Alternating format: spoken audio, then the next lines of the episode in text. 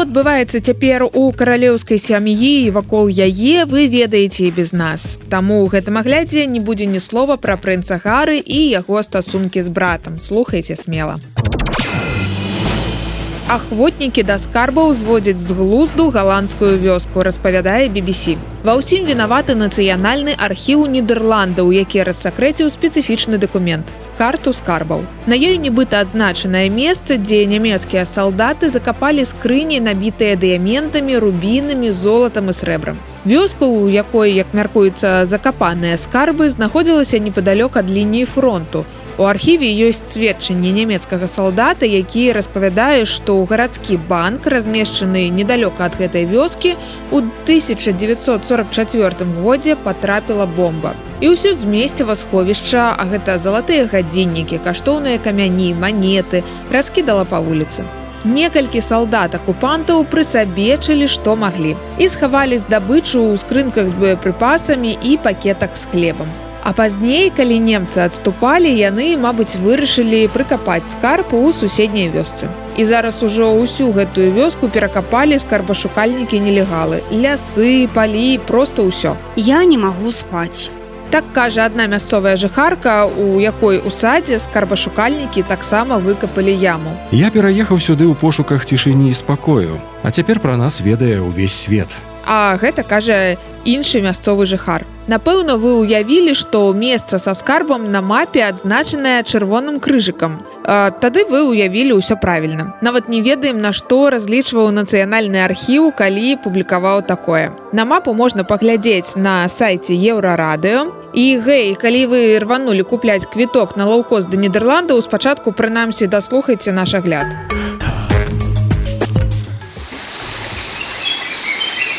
памятаеце як прэзідэнта бразіліі жаіра бальсанару называлі трапічным трампам падобна што гэта было даволі трапнае вызначэнне таму што пасля параза балсанару на выбарах мы ўбачылі фактычна трапічны штурм капітолія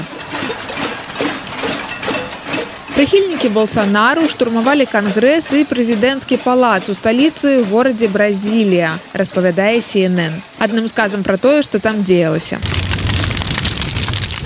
калі пратэстоўцы паспрабавалі падпаліць дыван у будынку кангрэса спрацавала сістэма пажаратушэння і памяшканне заліло вадой.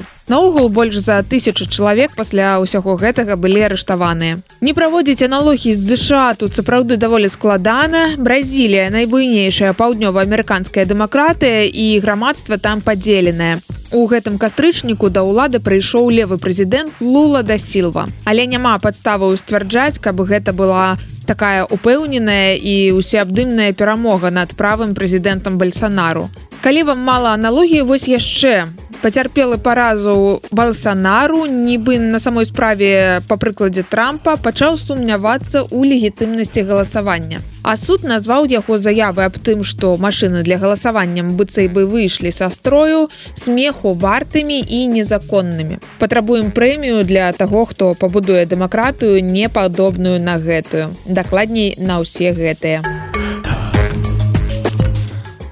У Іране нічога не скончылася, урад працягвае распраўляцца з пратэстамі.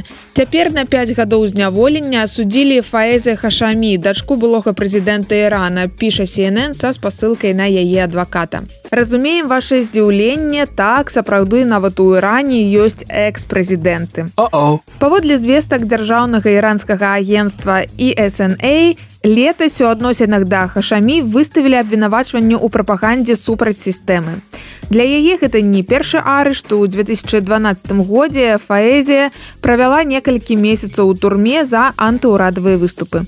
І яна не адзіная вядомая актывістка, якую ран не пасароміўся асудзіць пасля таго, як краіна выбухнула антыўрадавымі пратэстамі ў 2022 годзе. Больш за тое, Іран прывёў у выкананні ўжо чатыры смяротныя прысуды і яшчэ некалькім дзясяткам чалавек прысудзілі смяротнае пакаранне.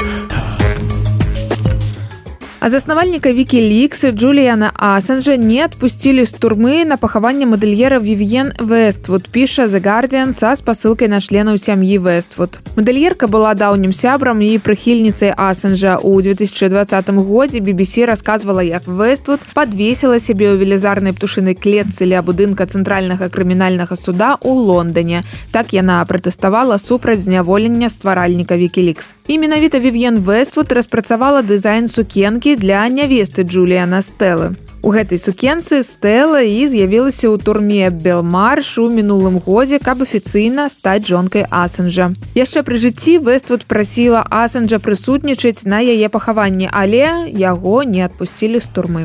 Члены сям'і мадэльеркі сказалі, што расчараваныя, але не здзіўленыя. Джуліян не быў асуджаны за нейкае злачынства, але з ім абыходзяцца так, як быццам бы ён тэрарыст. Адзінае, у чым ён вінаваты, гэта публікацыя праўды.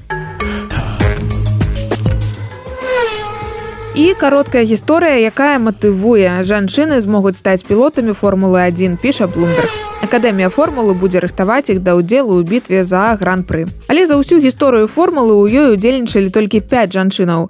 Апошнім разам жанчына сядзела за рулём аўто ў спаборніцтвах 1976 года і гэта была італьянка Лела Ламбардзе. Перад тым як сесці за стрыно аўтамабіля ў формуле 1 яна кіравала фургонам, на якім вазіла прадукты для мясной крамы, што належала яе сям'і. Калі журналіст спытаў у Лэлы, як гэта пілатаваць такую вялікую вялікую машыну яна адказала мне не трэба было яе цягаць мне трэба было проста ёю кіраваць. Прыгадвайце лэлу калі хтосьці будзе не верыць у вашыя сілы